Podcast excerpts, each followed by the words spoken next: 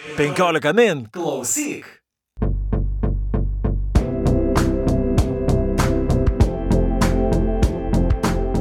Labadiena 15 min skaitytojai, 15 min klausytojai, sveikiname su jumis tinklaladėje perskaitimai ir šioje tinklaladėje, kaip visuomet, esame jos šeimininkai, aš Audrius Ožalas. Ir aš Juratė Čerškutė. Na ir šiandien mes pakalbėsime apie išties reikšmingą dar praėjusiais metais pasirodžiusią knygą, tai Vladimiro Nabokovo kūrinį Pninas. Ir e, šią knygą išleido nauja leidikla Rara, kuri iš tikrųjų vienas iš tokių įdomiausių, bent jau mano nuomonė, literatūrinių reiškinių pastaruoju metu Lietuvoje, nes leidžia tikrai labai kokybišką literatūrą.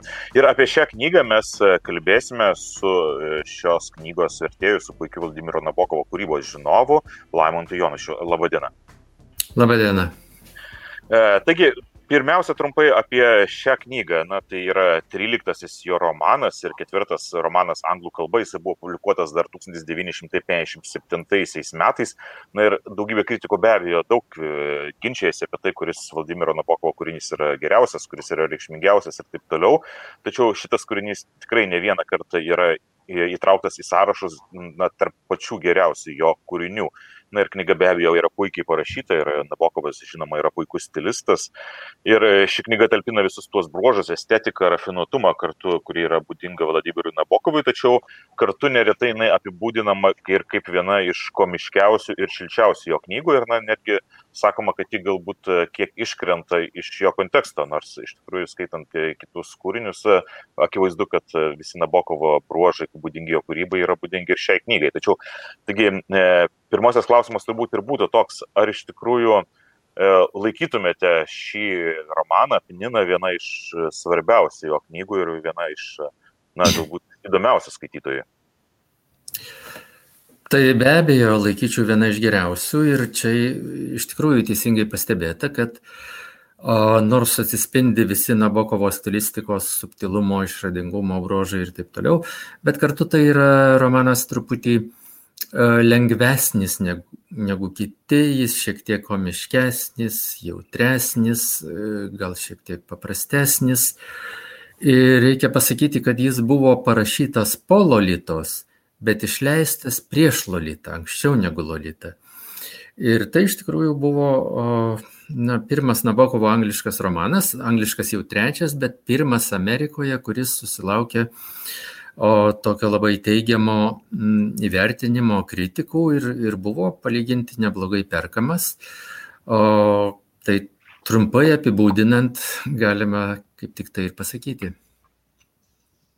Kad jau užsiminėm apie Lolitą, tai aš noriu iš karto gal tokį fundamentinį klausimą, Laimantai, jūsų paklausti. Ar nėra taip, kad Nabokovo recepcija yra šiek tiek ir nukentėjusi nuo Lolitos populiarumo? Nes kartais atrodo, kad šitas vienas romanas užgožia visus kitus. Be abejo, bet čia yra jis, jis ne vienintelis toks. Yra ir, ir daugiau rašytojų, kurie įsiminti su, su vienu romanu, nors kai kurie kiti galbūt nėra, nėra blogesni, gal net ir geresni. Na, Lolita aš irgi laikyčiau vienu, vienu iš geriausių romanų, bet be abejo yra nemažai žmonių, kurie iš visos Nabokovo kūrybos skaitė tik tai Lolita ir daugiau nieko. O, bet žinoma, reikia pripažinti, kad mm, o, Pnina, Pninas irgi buvo gana gerai skaitomas, bet grįžtant prie Lolitos, uh, Tai norėčiau tą progą prisiminti vertimus į lietuvių kalbą, jų buvo netgi du. Ir, na, antras iš vis nereikalingas, nežinia kodėl jis pasirodė, bet iš tikrųjų blogai, kad buvo Lolita verčiama iš rusų kalbos, o ne iš anglų. Nors pats Nabokovas išvertė Lolitą į rusų kalbą, praėjus dešimčiai metų maždaug po, po parašymo angliškai, Bet jo rusų kalba jau buvo truputį pas, atsilikusi, pasenusi. Ten, pavyzdžiui, nėra tokio žodžio kaip rodeo rusų kalboje, netgi nėra žodžio kinas, yra tik tai kinematografas. Ir, pavyzdžiui, Movie Magazine jis pats išvertė kaip kinematografijos žurnalas ir, ir lietuviškam vertime taip liko. Tai tikrai Lolita reikėjo versti iš anglų kalbos, galbūt kada nors tai bus padaryta, bet, na, žinoma, tai nėra dabar prioritėtinis dalykas. O e, šiaip Ninas, reikia pasakyti, kad nėra pirmas jūsų verstas Nabokovo romanas. 2007 Lietuvos raštojų sąjungos leidikla publikavo 41 e, metais išleistą e, Nabokovo romaną Tikrasis Sebastiano Naito gyvenimas, kuris buvo pirmasis romanas, kurį Nabokovas parašė anglų kalba. Ar galėtumėt palyginti na, tuos vertimo skirtumus iš tikrųjų Pninas ir Sebastai, tikrasis Sebastiano Naito gyvenimas? Aš manau, kad e, tikrasis Sebastiano Naito gyvenimas yra neblogesnė knyga už Pliną, bet kaip vertėjai tai buvo truputį kiti iššūkiai, nes e, o, tas jo romanas ankstesnis, e, jis iš esmės neturi ten kokio nors rusiško ligmens, jis jau yra taip, ten veiksmas Prancūzijoje vyksta ir o, Tai yra, tai yra visai kas kita. Žinoma, čia dar galima pridurti, kad e, nors tai buvo pirmasis jo angliškai parašytas romanas, bet dar šiek tiek anksčiau jis buvo rusiškai parašęs romaną Kamera Obscura ir buvo nepatenkintas vertimu į anglų kalbą ir pats išvertė tą romaną, kuris angliškai pavadintas visai kitaip Laughter in the Dark. Ir iš dalies ten buvo daug kas pakeista, tai iš dalies galima sakyti, kad, tai, kad būtent tas buvo jo, na, toks pirmas kūrybinis e, ilgas angliškas tekstas. O šiaip lyginant abu tuos romanus, um, Sebastianą ir Pniną, tai e, čia labai akivaizdu, kad e, Pninas turi daug rusiškos tematikos. Pagrindinis veikėjas yra rusas. Jis yra, na, kaip čia rašoma anglų kalba, taip funkcionaliai išmokęs gana gerai, gali šnekėtis bet kokią temą, bet vis dėlto netobul. Pats Nabokovas anglų kalbą mokėjo tobulai, kaip žinome. O Pninas vis dėlto priveldavo toj anglų kalbos raiškoj, na, tarkim, rusiškų konstrukcijų, e, kurios nebūdingos anglų kalbai. Ir verčiant tai, tai buvo šiokia tokia problema, kadangi o, aišku, jog lietuvių kalba yra artimesnė rusų kalbai negu anglų kalbai. Ir tai, kas anglų kalboje ta rusiška konstrukcija skamba nenatūraliai, tarkim, lietuviškai jį gali skambėti visai natūraliai. Tai teko šiek tiek, šiek tiek paimprovizuoti, kaip nors kitaip tą perteikti, kai kuriais atvejais, žinoma, ne visada, kai kuriais atvejais tai buvo labai mm, paprasta ir, ir, ir lengva. Bet aš netgi čia galėčiau pacituoti tokį, mm, na, Nabokovas prikūrė iš tos netobulos jo anglų kalbos tokių kalambūrų netgi, su, su rašyba netgi. Kai jis, pavyzdžiui, sako, mm, nori pasakyti, I am looking for whiskey and soda, tai angliškai tas parašyta viskas and sodas. Viskas tai tokia rašyba, kuri reiškia tasus klampus, o sodas, žinoma, reiškia pjuvenos. Tai e, kaip, kaip tą perteikti lietuviškai, na, adekvačiai tikrai niekaip neįmanoma. Tai aš e, tą viskį paverčiau visko, aš ieškau visko ir gazo. Na, gazo tai gazuoto vandens. Galbūt galima tą kaip nors kitaip sugalvoti, bet, e, bet čia jau, jau aš taip tik sugalvojau. O šiaip žinoma, Nabokovas, aš manau, tą jo Pnino anglų kalbos tas ta, tą netobulumą, tą rusų kalbos įtaką tikriausiai perėmė, na, vis tiek bendravo su kokiais nors rusais gyvenančiais Amerikoje ir matyt rėmėsi tais gyvais pavyzdžiais, o kai ką ir pats prigalvojo. Na, nes e, šioje knygoje užsimenama, kad ir kiti Pinino kolegos irgi kalba angliškai ne ką geriau ir netgi uh, E, vieno vieto aš net nesimenu, tiksliai nepasituosiu, kad nebuvo aišku, kas angliškai kalba blogiau, ar pats Peninas, ar jo kolega. Tai tarsi ir perteikia tuos bendrus rusų imigrantų Amerikoje bruožus. Ir ta kalba yra kaip ir vienas tokių, na, juos galbūt kaip ir apjungiančių dalykų. E, Ir, ir, bet, aš, bet aš norėjau grįžti visgi e, prie šios knygos vertimo ir jūs, tai yra antrasis jums Nabokovo vertimas. Ir aš norėjau visgi e, paklausti, kas yra visgi na, šitie, šitos dalykus, kuriuos dabar apibrėžite, kad e, kas galbūt e, kėlė tam tikrus iššūkius, tačiau apskritai Nabokovo vertimas lyginant su kitų rašytojų kūryba, visgi, na, Ninas, kaip jau ir minėjau pradžioje, yra stilistas, kad pas jį yra labai daug metaforų ir kalba šiaip vaizdinga ir tie išsireiškimai yra turbūt, na, neretai sunku išversti, ar ne, ar, ar kokias, kokie kiti dar buvo iššūkiai verčiant jį. Tai iššūkiai yra įprastiniai.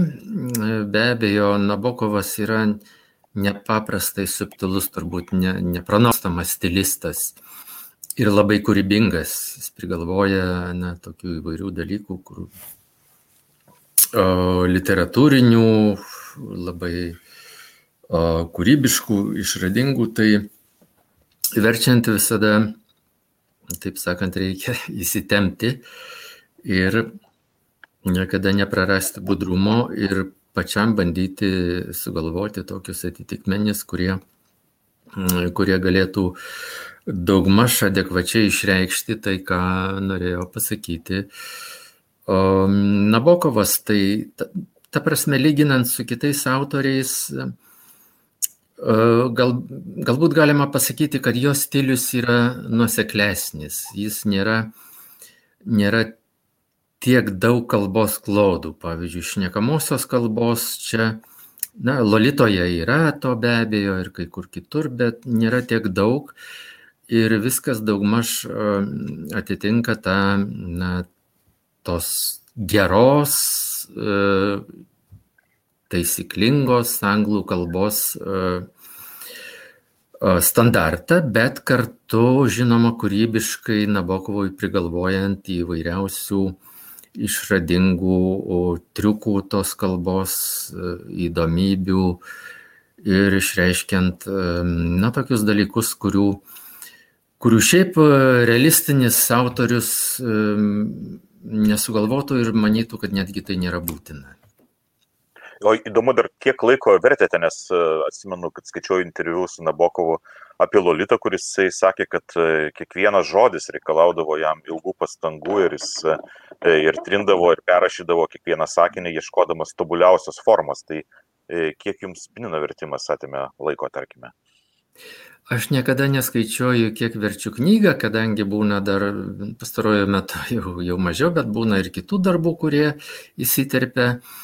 Tai Kadangi knyga nėra labai didelė, tai netiek ne jau daug sugaišau laiko, negalėčiau pasakyti, bet baigiau versti pernai, pernai birželį, gal birželio pradžioje.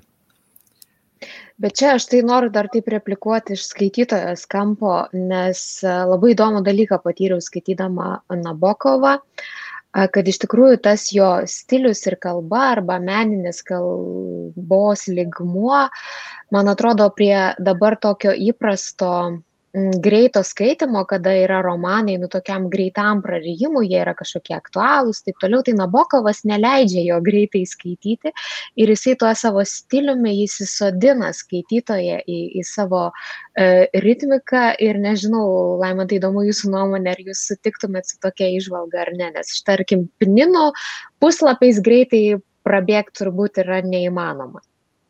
Čia labai teisinga pastaba. Nabokovas niekada neleidžia savo kūrinių greitai skaityti. Bet palyginti su o, tokiais jo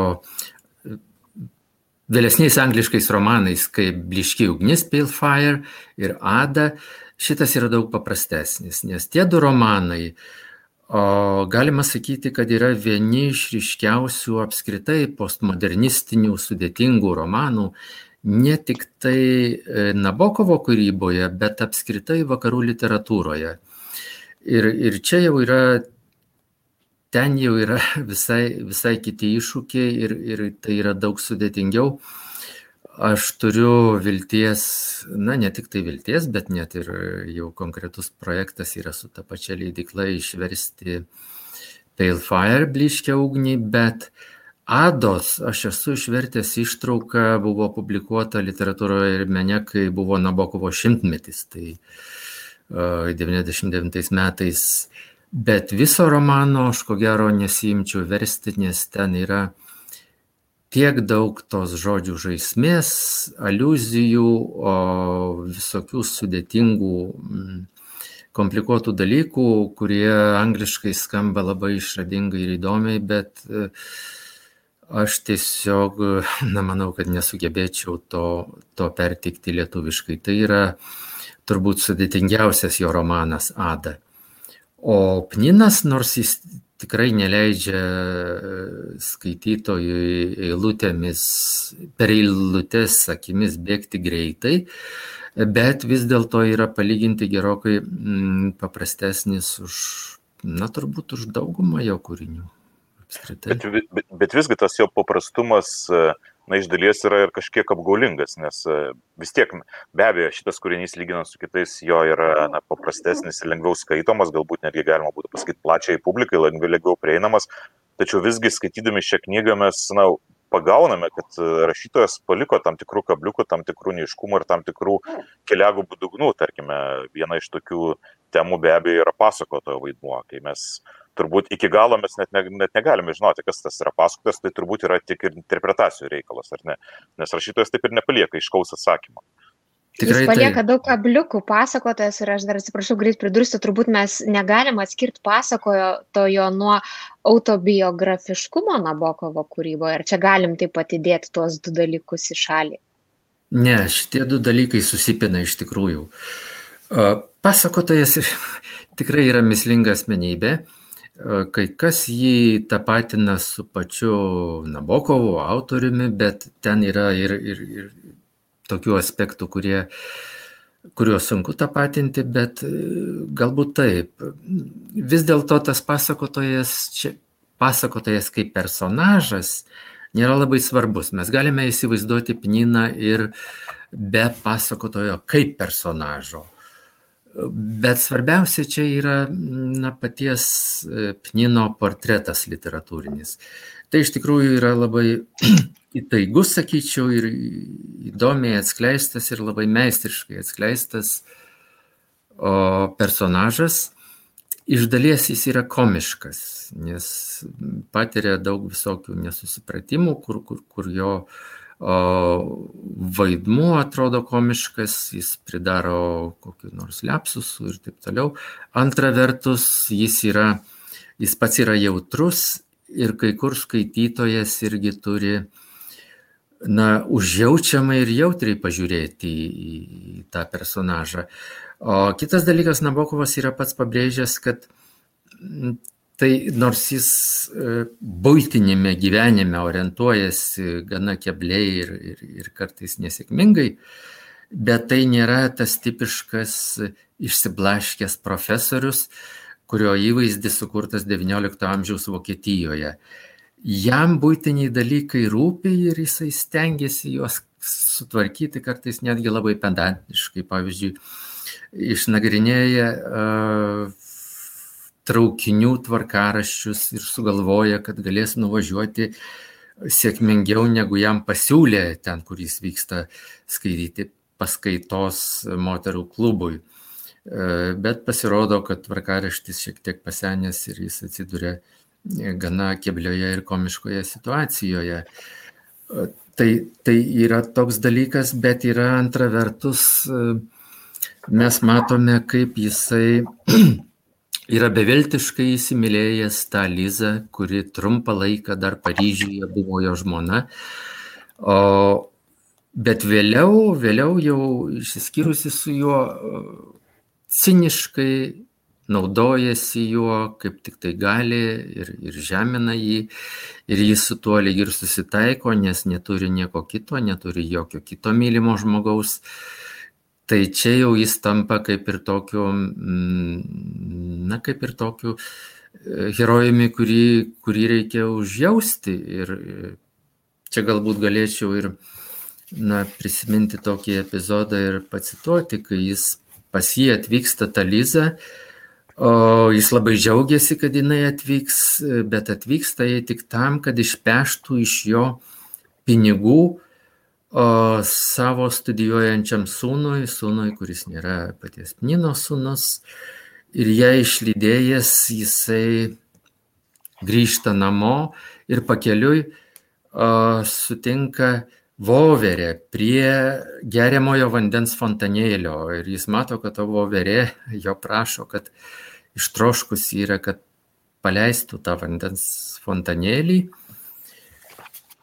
Ir, ir, ir jis tai padaro, nors tavo verė visai netrodo simpatiška.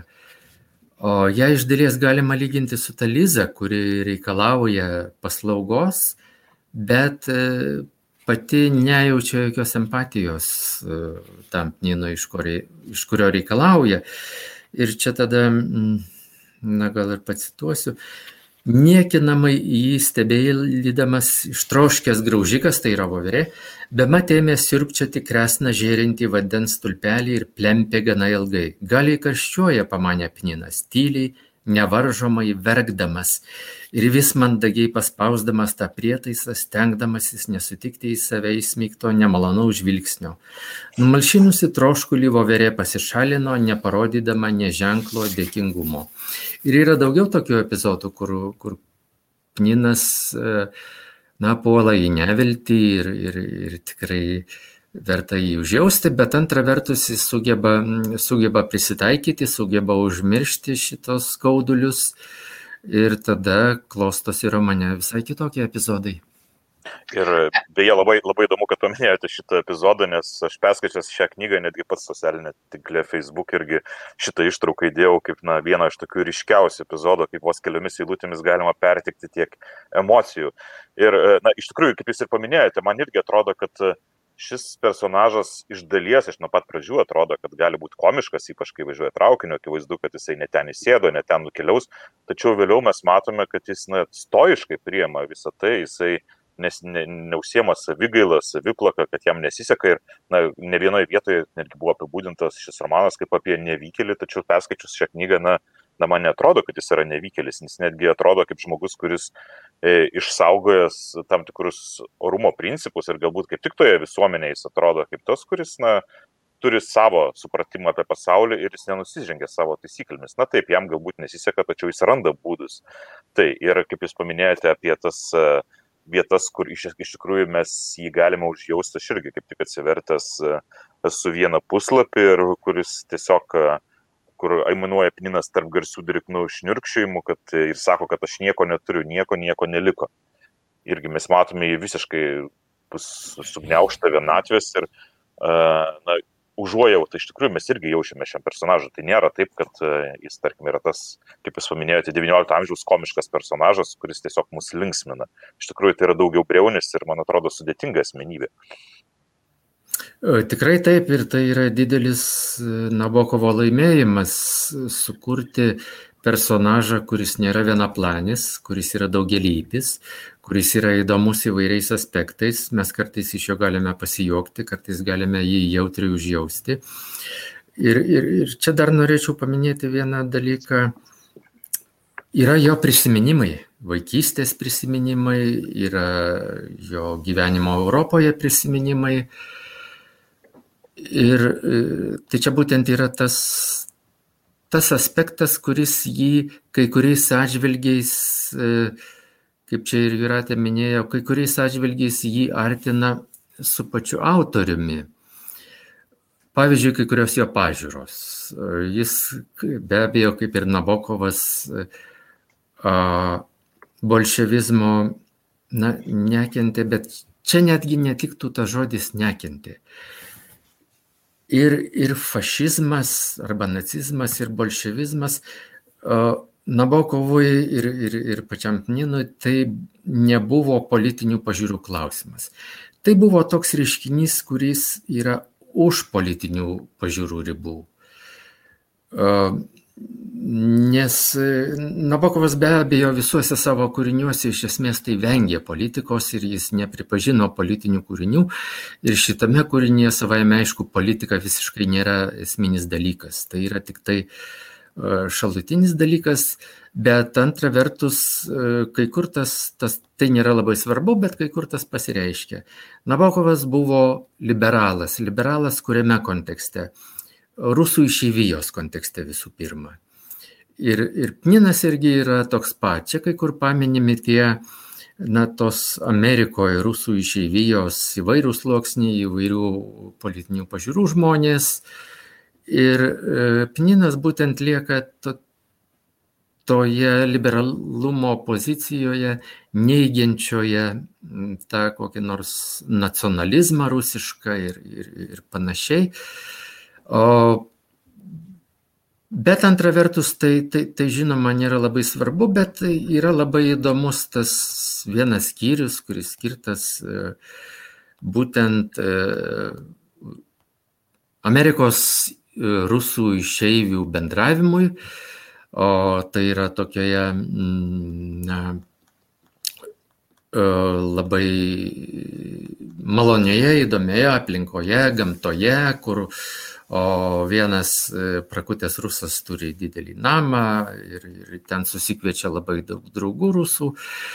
Ir ten, ir ten irgi viskas yra labai įdomiai perteikta ir įdomiai perteikti, vėlgi ten atsiduriantis tie Pnino prisiminimai apie, apie vaikystę ir, ir apie jaunystę, apie jo pirmąją meilę Rusijoje. Ir, ir ten, žinoma, įsiterpia ir tie, kad yra, kad yra daug žmonių žuvusių žuvusių dar ir bolševikinėje Rusijoje ir žuvusių per holokaustą. Aš dar noriu truputį gražinti mus atgal, nes man prie pasakotojo, nes man e, yra vienas įdomus dalykas, kuris turbūt susijęs irgi su Nabokovo kalba e, vienoje vietoje, taip jau visiškai akivaizdžiai pasakotojas kreipiasi į skaitytoją, tarsi sumenkindamas jį ir jo pastangas ir sakydamas, ak, netidusi skaitytojų. Ir va šitas žaidimas, tarsi bandymas užmėgsti santyki, kažkokį visiškai tiesioginį ryšį su skaitytoju, nežinau, kaip, kaip jums atrodo, kai jūs tą tekstą knebinėjot iš labai labai arti, nes aš panašų dalyką, e, tokį įspūdį susikūriau ir skaitydama Sebastianą Naitą. Apskritai, nu atrodo, kad Nabokovas tai pasakoja tarsi vis nuolat primindamas skaitytojui, kad yra tokia pasakotojo figūra, kuri, na, gali kreiptis į skaitytoją. Taip yra, nors jis tą daro labai saikingai. Šiaip ta tradicija, manau, yra atėjusi irgi iš XIX amžiaus. Kai rašytojai kreipdavosi į skaitytoją, na, tas buvo, yra buvę ir vėliau, ir 20 amžiaus pirmoje pusėje turbūt, bet pastaruoju metu, apskritai 20 amžiuje tai daroma retai. Tai aš manyčiau, kad čia yra tam tikras, tam tikras žaismingas manieringumas Nabokovo. Tai nėra nėra labai reikšminga. Na tiesiog jisai mėgsta pažaisti įvairiais lygiais O tas žaidimas kalbinis, man labai įstrigo ta tokia subtili Nabokovo ironija, ypač tuo metu, kai jis kalbėjo apie Lizą ir, ir, ir Pnino su Liza praeitį dar Europoje. Ir, nu, turbūt aš jau visiems laikam įsiminiau šitą pasakymą lyrinė dedeklystė, kuri, kurį galima pritaikyti ir lietuvių literatūros e, tekstams kaip va šitas toks lengvas ironijos ligmuo veikia ir šiaip beje man labai smalsu, aš atsiprašau, nespėjau susigaudyti originalo, kaip angliškai skamba šita lyrinė dedeklystė. Na, jis tenai angliškai.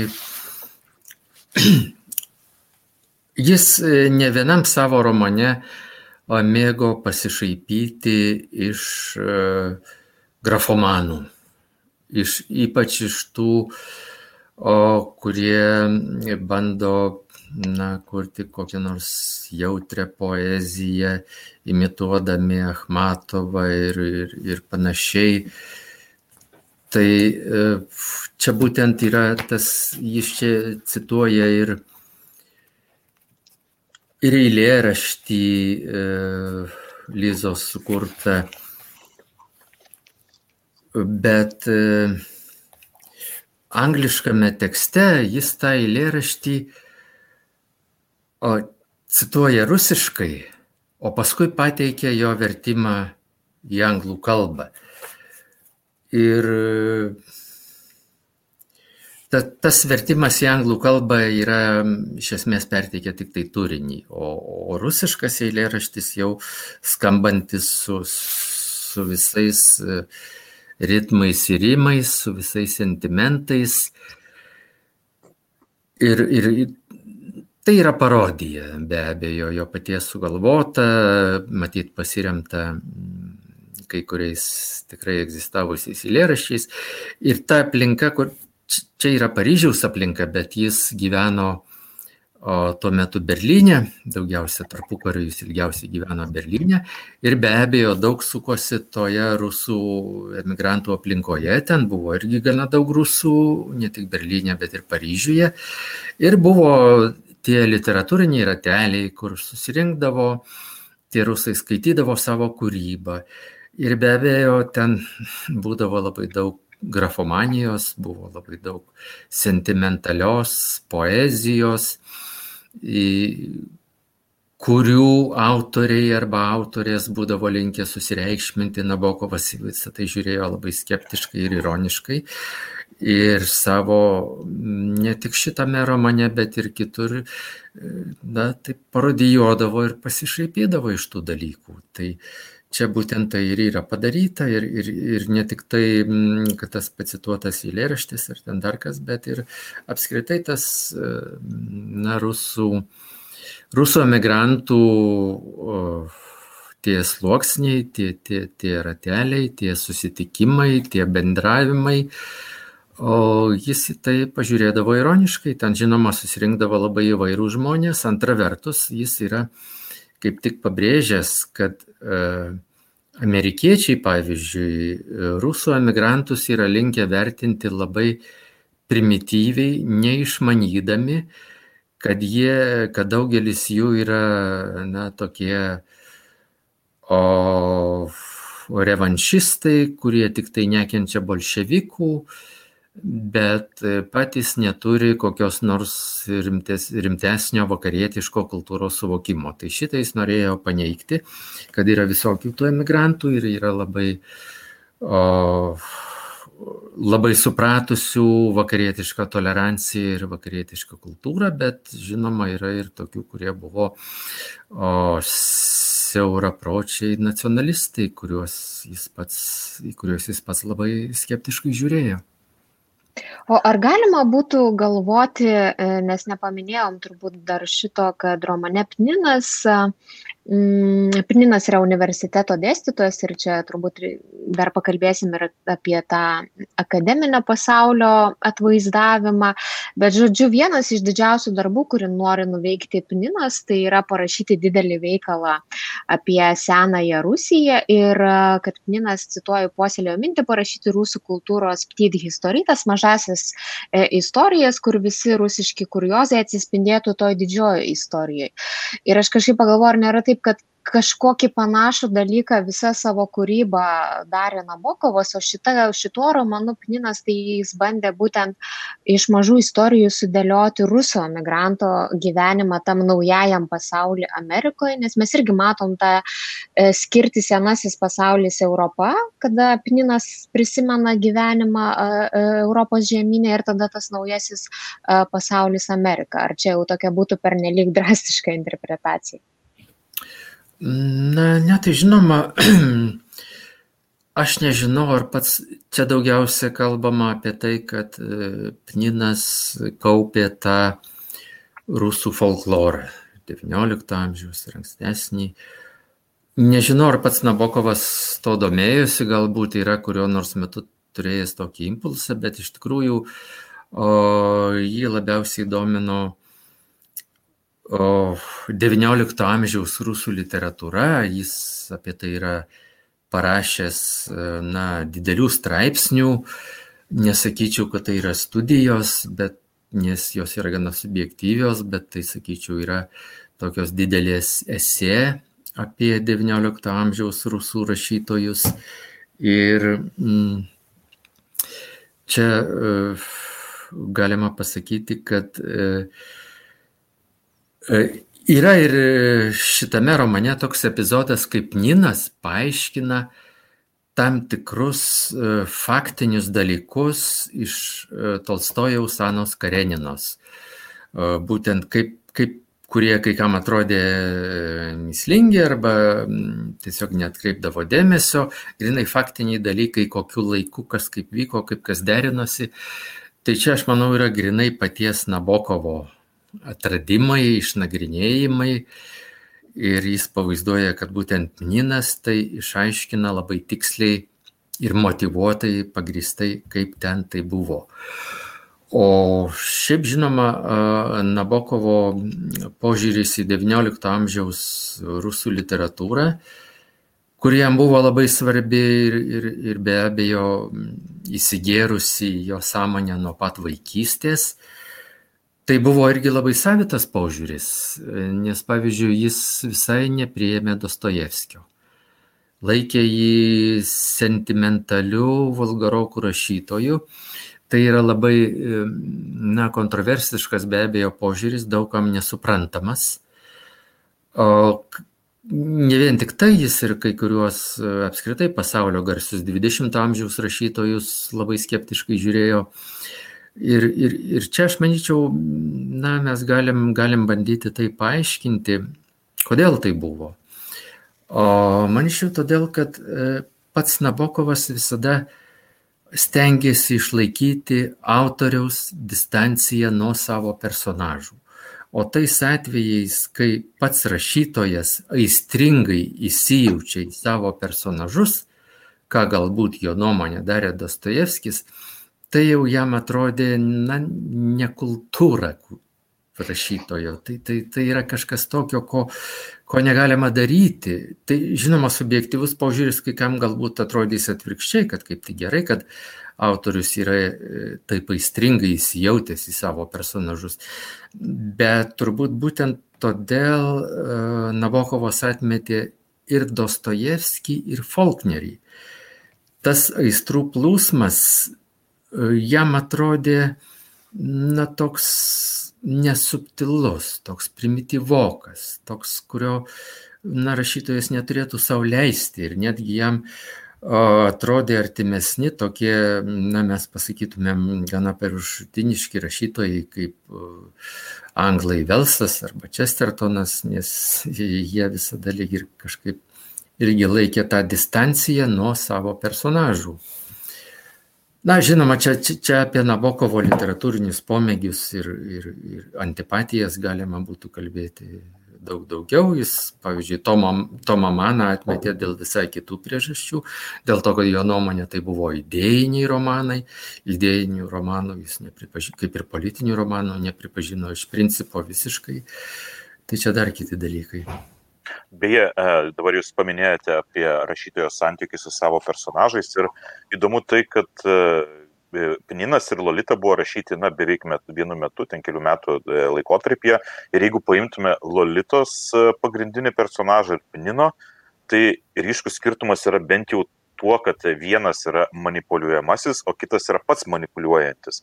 Tarsi du visiškai antipodai ir ar e, rašytojas na, sukūrė visiškai skirtingus, galima būtų pasakyti, personažus, tačiau galbūt kažkas ir sieja juos, ar, ar, ar ne? Ar būtų galima kažkokius sąsojus surasti? Visada jo personažus sieja tam tikras rafinuotumas, bent jau kur, kuriais nors aspektais. Pninas be abejo irgi yra, na, kaip mes jau čia kalbėjom, rafinuotai supranta ir, ir Ana Karenina, ir, ir daug kitų dalykų, ypač literatūroje. Lolitos Humbertas Humbertas irgi yra gana rafinuotas, toks estetas, subtilus ir taip toliau. Ta prasme, šiek tiek visada, visada yra Nabokovo tuose personažuose, bet antra vertus, Humbertas Humbertas be abejo yra Lolitoje atgrasus personažas ir jis norėjo tokį atgrasų pavaizduoti. Tai už tai jis ir sakė, jis Lolita parašė pirmiau, o Pnina vėliau. Jis ir sakė, kad Pnina rašyti man buvo tokia lengva atgaiva nuo viso to sudėtingumo Lolitos, o kartu matyti ir nuo to, nuo to personažo, kuris, na, tikrai savo esme niekaip nėra simpatiškas, o Pninas vis dėlto simpatiškas yra, tai jis norėjo sukurti kažką, ką nors visai priešingo, negu, negu buvo tas Humbertas Humbertas ir, ir, ir norėjo gauti tokį atokvėpį, ne tik tai kurdamas lengvesnio pobūdžio kūrinį, bet ir kurdamas lengvesnio pobūdžio personažą. Tai čia, aš manau, yra toks svarbus dalykas. Kitas man įdomus dalykas, nežinau, esu skaitant Pniną net keliose vietose esu pasižymėjusi šauktuku Nabokovo charakteristikos menas. Ir iš tikrųjų gal labiausiai jisai taip įsimena skaitytojui tais šalutiniais personažais ir čia Laimantas jau minėjo tą epizodą, kada rusų emigrantai vasarą susitinka tam dideliam name Ir nežinau, kur man kažkaip iškart priminė e, tokį amerikietišką rusiškos dačios variantą ir Gorkio vasarotojus. Ir iš tikrųjų, vat, kaip jisai e, geba taip žavingai, nežinau, porą žodžių nususkelt kažką apie žmogų, kad atrodo, tu iškart vizualiai uh, matai. Uh, tai čia turbūt irgi reiktų minėti prie jo, nežinau, stiliaus ypatybės. Uh Čia manau reikia pasakyti, kad nors Nabokovas savo e, geriausiais kūriniais iš pradžių buvo modernistas, tai yra rusiškais tais kūriniais tokiais kaip e, tais geriausiais dar, kuris lietuviškai verčiamas dovana arba priglašenėje nakazin, kvietimas bausmiai lietuviškai taip išverstas, o vėlesniais kūriniais tapo postmodernistų bet vis dėlto jis buvo nepaprastai gerai įvaldęs realistinį pasakojimą, personažų kūrimą realistiškai. Ir, ir, ir tai būtent jį daro didžiu rašytoju, kad jis gebėjo uh, ir vieną, vieną stilių, vieną literatūrinį metodą suderinti su visai kitokiu, naujovišku literatūriniu metodu. Vienuose kūriniuose buvo daugiau to mm, na, labai meistriško realistinio metodo, kitose daugiau meistriško jau kokio nors modernistinio arba postmodernistinio metodo. Ir, ir, ir visur jis tai sugebėdavo atlikti na, aukščiausių meistriškumo lygių. Tai, tai tai tuo jis yra 20-ojo amžiaus rašytojas, kuris apėmė, na, sakyčiau, keletą stadijų, keletą laikotarpių literatūrinės kūrybos ne tik savo paties, bet ir apskritai uh, o pasaulio, na, Europos, Amerikos literatūros kūrybos. Tai, tai, tai ir yra vienas iš, vienas iš didžiausių jo, jo laimėjimų, sugebėjo kurti labai įtikinamus realistinius personažus, be kita ko. Beje, kalbant apie šį romaną, nebijotinai kalbama yra apie jo autobiografiškumą. E, galima surasti daug panašumo, bet ir daug skirtumų. Tačiau, na, tarkime, kad ir ta pati uh, tas pats anglų kalbos mokėjimas, e, nors e, tas epizodas, kaip Pininas skaito savo paskaitą iš, iš anksto pasiruoštą iš lapelio, tai čia irgi galima surasti ir panašumų su Nabokovu, nes kiek teko skaityti, tai jis irgi pats labai kruopšiai ruoždavosi paskaitos ir neimprovizuodavo, tiesiog skaitydavo. Ir dėl to Pininas, jeigu jis neranda savo parašyto lapo, tiesiog puola į paniką, kaip ką jam reikės daryti. Aišku, čia gal daugiau ir dėl anglų kalbos žinių stokos.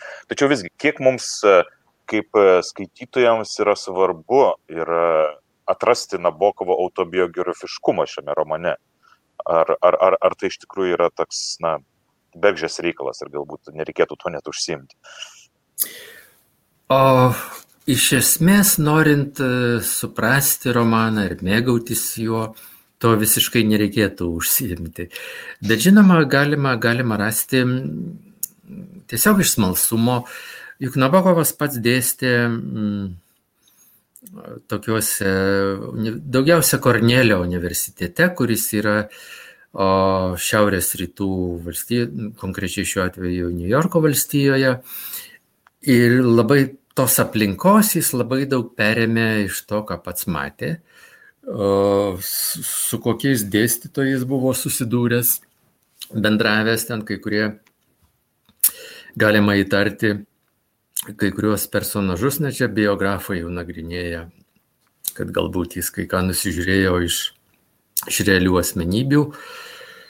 E, tai Tai, tai tas, tas yra iš tikrųjų perimta, nes e, jis pats dėstydamas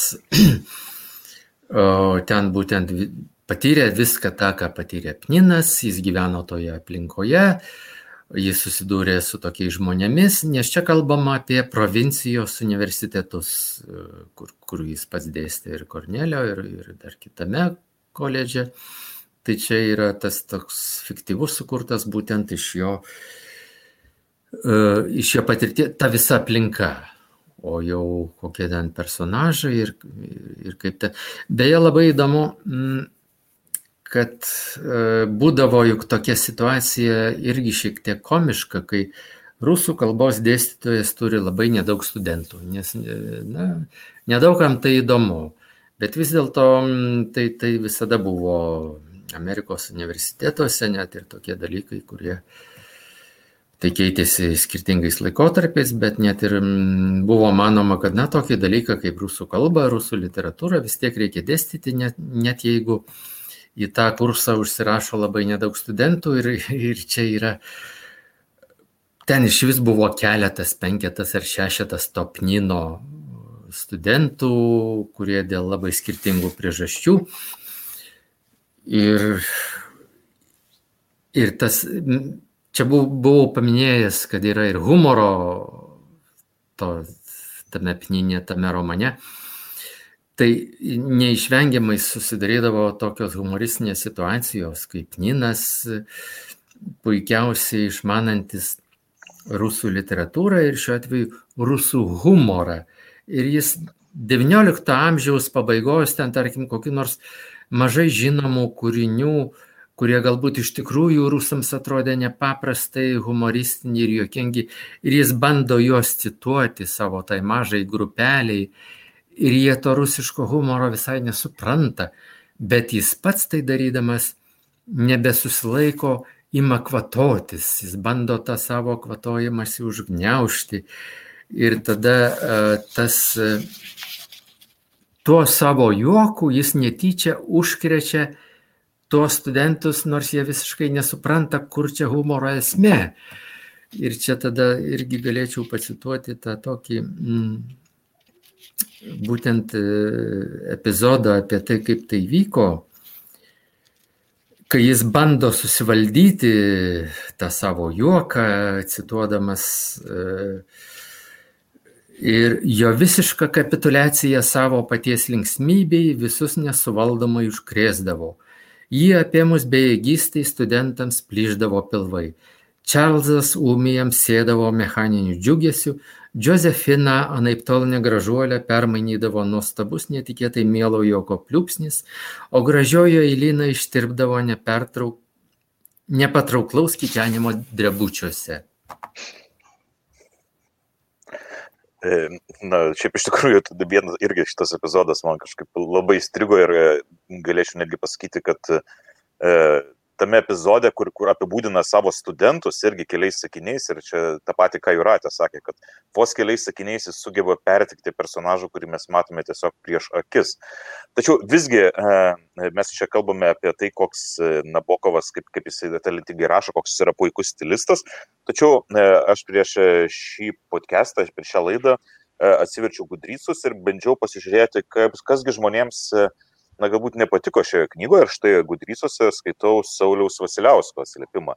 Vis dėlto skaitant nesikepime perdėto puikavomasi intelektu žiniomis, tiesmukoko bandymo šmikštauti, dirbtinumo ir neskanaus pretenzingumo įspūdis. Kitaip tariant, tai, kas gali būti vadinama gurmaniška, sykis atrodė kiek perspausta savitiksliškai bei sumenkino galimybę pasimėgauti potencialiai gerą knygą. Be abejo, tai čia yra tik tai vieno žmogaus nuomonė ir tai, kaip jisai perskaitė šią knygą, kas jam užkliuvo. O ką jūs atsakytumėte iš tai tokią kritiką? Ar Ką Jūs galvotumėte? Bet tai, tai čia yra elementariausiai galima pasakyti, kad tai yra skonio reikalas. Bet be abejo, Nabokovas e, daugam nepatiko, o tiem žmonėms, kurie nori, kad e, literatūroje būtų na, taip realistiškai vaizduojamos gyvenimo problemos, kad būtų tas gyvenimo širkštumas, kad būtų uh, o demaskuojamos blogybės ir taip toliau. Na, visas tas socialinis sluoksnis, Ir daugam iš tikrųjų Nabokovas atrodė pernelyg rafinuotas estetas e, ir kad literatūrai reikia visai ne to, o reikia aktualumo, reikia o, sieti su mūsų šiandieninio gyvenimo problemomis ir taip toliau. Tai čia, čia, čia nieko negalima atsakyti. Čia galima tik pasakyti, kad Nabokovas o, visiškai kritiškai ir atmetamai žiūrėjo na, į tokius reikalavimus. Aš dar tik tai turbūt pridurčiau tiems, kurie pasigenda to kritiškumo, kad vis dėlto akademijos arba to universitetinio gyvenimo sluoksnis, Nabokovas jį labai gerai demaskuoja, ypač dabar jau pamiršau, bet tas personažas, man atrodo, prancūzų katedros vedėjas, kuris net nelabai moka šnekėti prancūziškai. Ir iš tikrųjų, na, tada aš noriu tų žmonių, kurie pasigenda aktualumą klausti, nes panašių atvejų mes galim ir šių dienų akademijoje atrasti.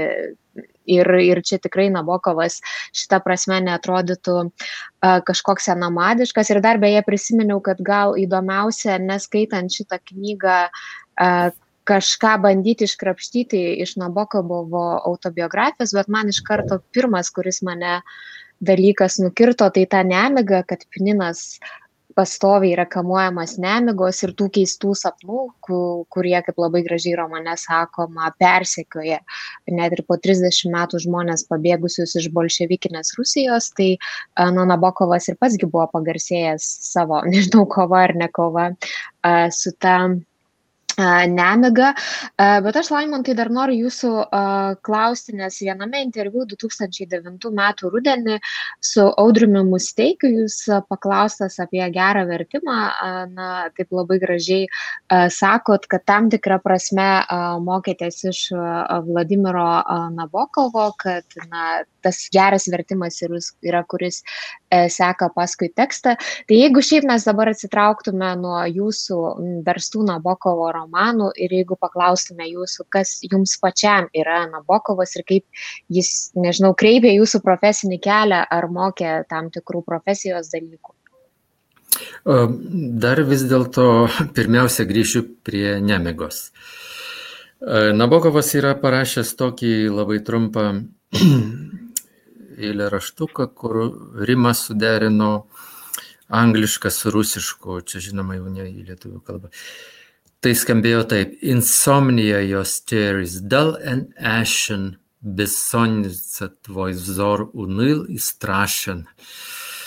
O grįžtant prie, na, kaip mane Nabokovas paveikė, tai e, jaunystėje man tai buvo pats įspūdingiausias rašytojas.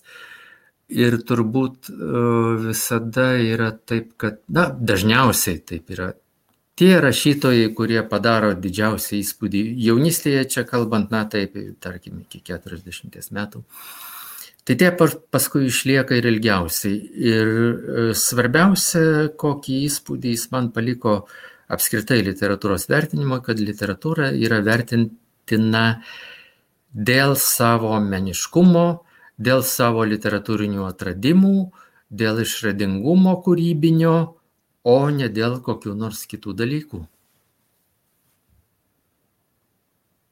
Na ir beje, irgi ruoždamas šiai laidai, aš irgi ieškojau apie atsiliepimą apie Nabokovą ir lietuvišką žiniasklaidą ir radau jūsų seniai rašytą straipsnį, tiesa, ne apie Nabokovą, o kitą temą, tačiau ten jūs citavote ir Nabokovą vėlesnio Lolitos leidimo pabaigos žodį, ir, e, kuriame jisai išvardino jam brangiausias šio romano detalės ir pridūrė. Tai yra slaptieji taškai, pasąmonės koordinatės, pagal kurias knyga sustiguota. Nors aš aiškiai suvokiu, kad e, kai kurie skaitytojai per šias ir kitas scenas praslys paviršimi arba jų nepastebės, ar net neprieis prie jų. Tai e, galbūt galima būtų paklausti, kas galbūt jums atrodo tie slaptieji taškai ir, e, na, galbūt pasąmonės koordinatės, e, kurie šiame romane yra užslapstyti, tačiau galbūt ne visi pastabieji, ne, visi, ne, ne visi skaitytojai pastebės ar galbūt praslys pro akis.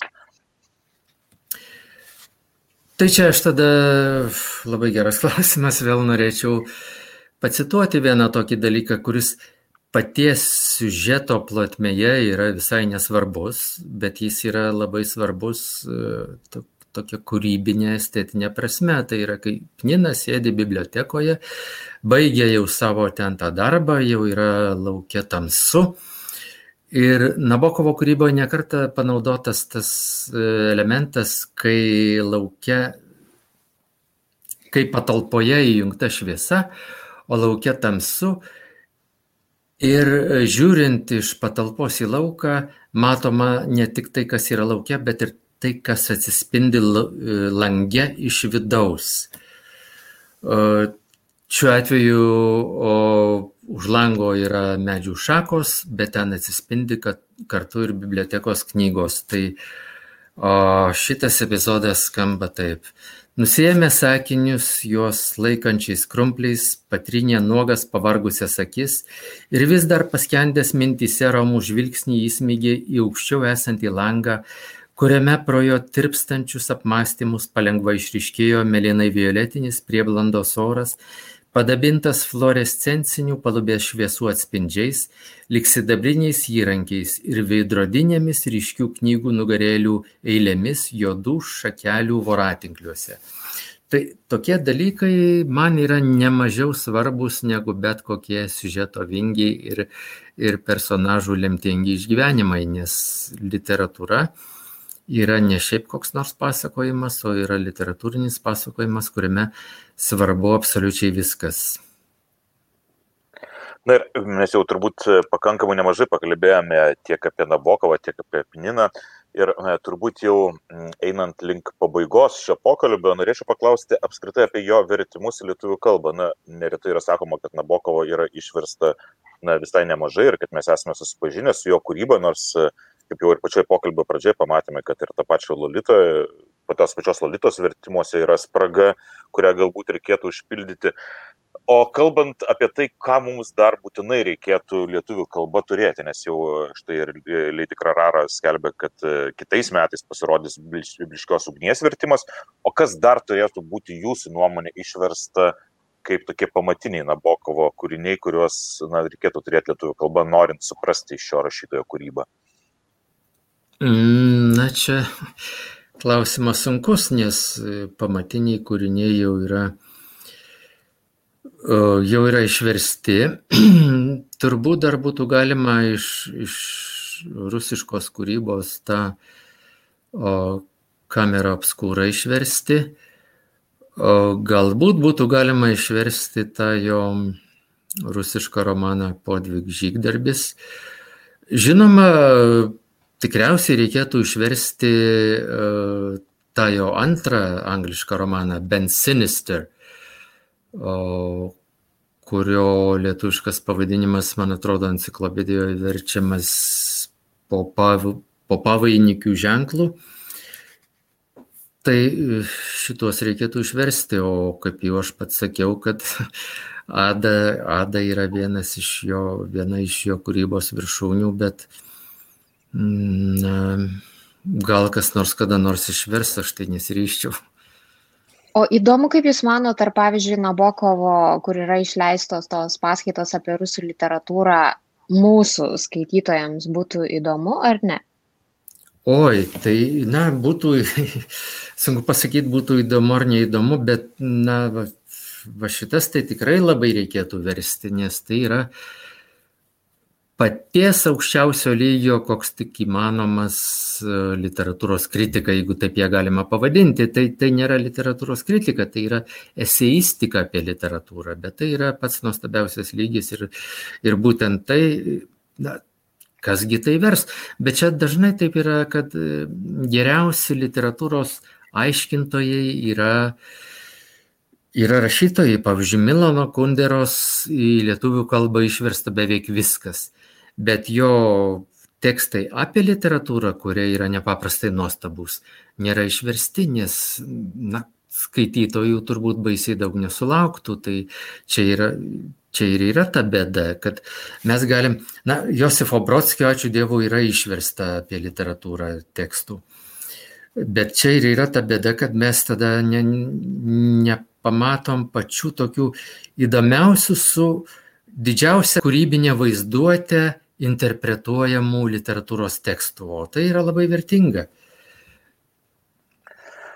Na, bet kuriuo atveju, tikėkime, kad ateis kažkada rankos ir prie šitų vertėjų, ir, ir prie šitų vertimų, ir kad leidyklos irgi bus drąsesnės, nes aš kaip suprantu, kad vis tiek svarbiausias dalykas turbūt leidyklos žiūri į tokius vertimus, kaip, na, bet ir to paties skundero paminėtus, kurios visos knygos yra verčiamos, tačiau šitą net turbūt dėl to, kad, na, galvoja, kad nesuras savo skaitytojų arba suras labai mm. siaurą skaitytojų ratą galvoja, kad skaitys tik tai profesionalai. Ir baigiant, aš noriu Laimantui užduoti turbūt paskutinį klausimą.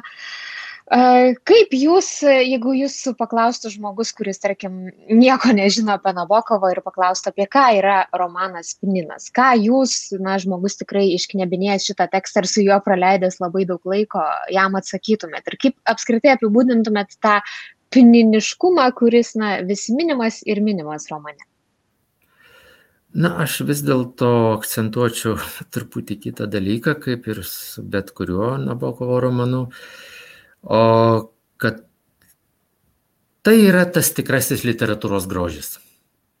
Tai yra, kas įspūdingiausia gali būti apskritai e, grožinėje literatūroje. Pavyzdys. Na, man atrodo, jau šitų poros sakinių užtenka, kad e, skaitytojai tikrai imtų šią knygą. Ir e, tiems, kas neskaitė Vladimiro Nabokovo šio kūrinio Pninas, e, tikrai pavydu, nes bent jau man praeitų metų pabaigoje tai buvo na, tikrai ryškiausias literatūrinis pojūtis, potyris ir tikiuosi, kad suras naujų skaitytojų Vladimiras Nabokovas ir netgi tų, kurie galbūt na, šio rašytojo kūrybos dar kažkokiu būdu netrado ir neskaitė. Ir kągi, tiek kart, šį kartą pokalbį, pokalbį apie Vladimirą Nabokovą ir jo kūrinį Kniną ir labai dėkui Lamantui Jonučiui, vertėjui, kuris padovanojo šios knygos vertimą į lietuvių kalbą. E, na, o laidoje, kaip visuomet buvome, aš Šaudis Ožalas. Ir aš Juratė Čerškutė. Gerų jums skaitinių ir iki.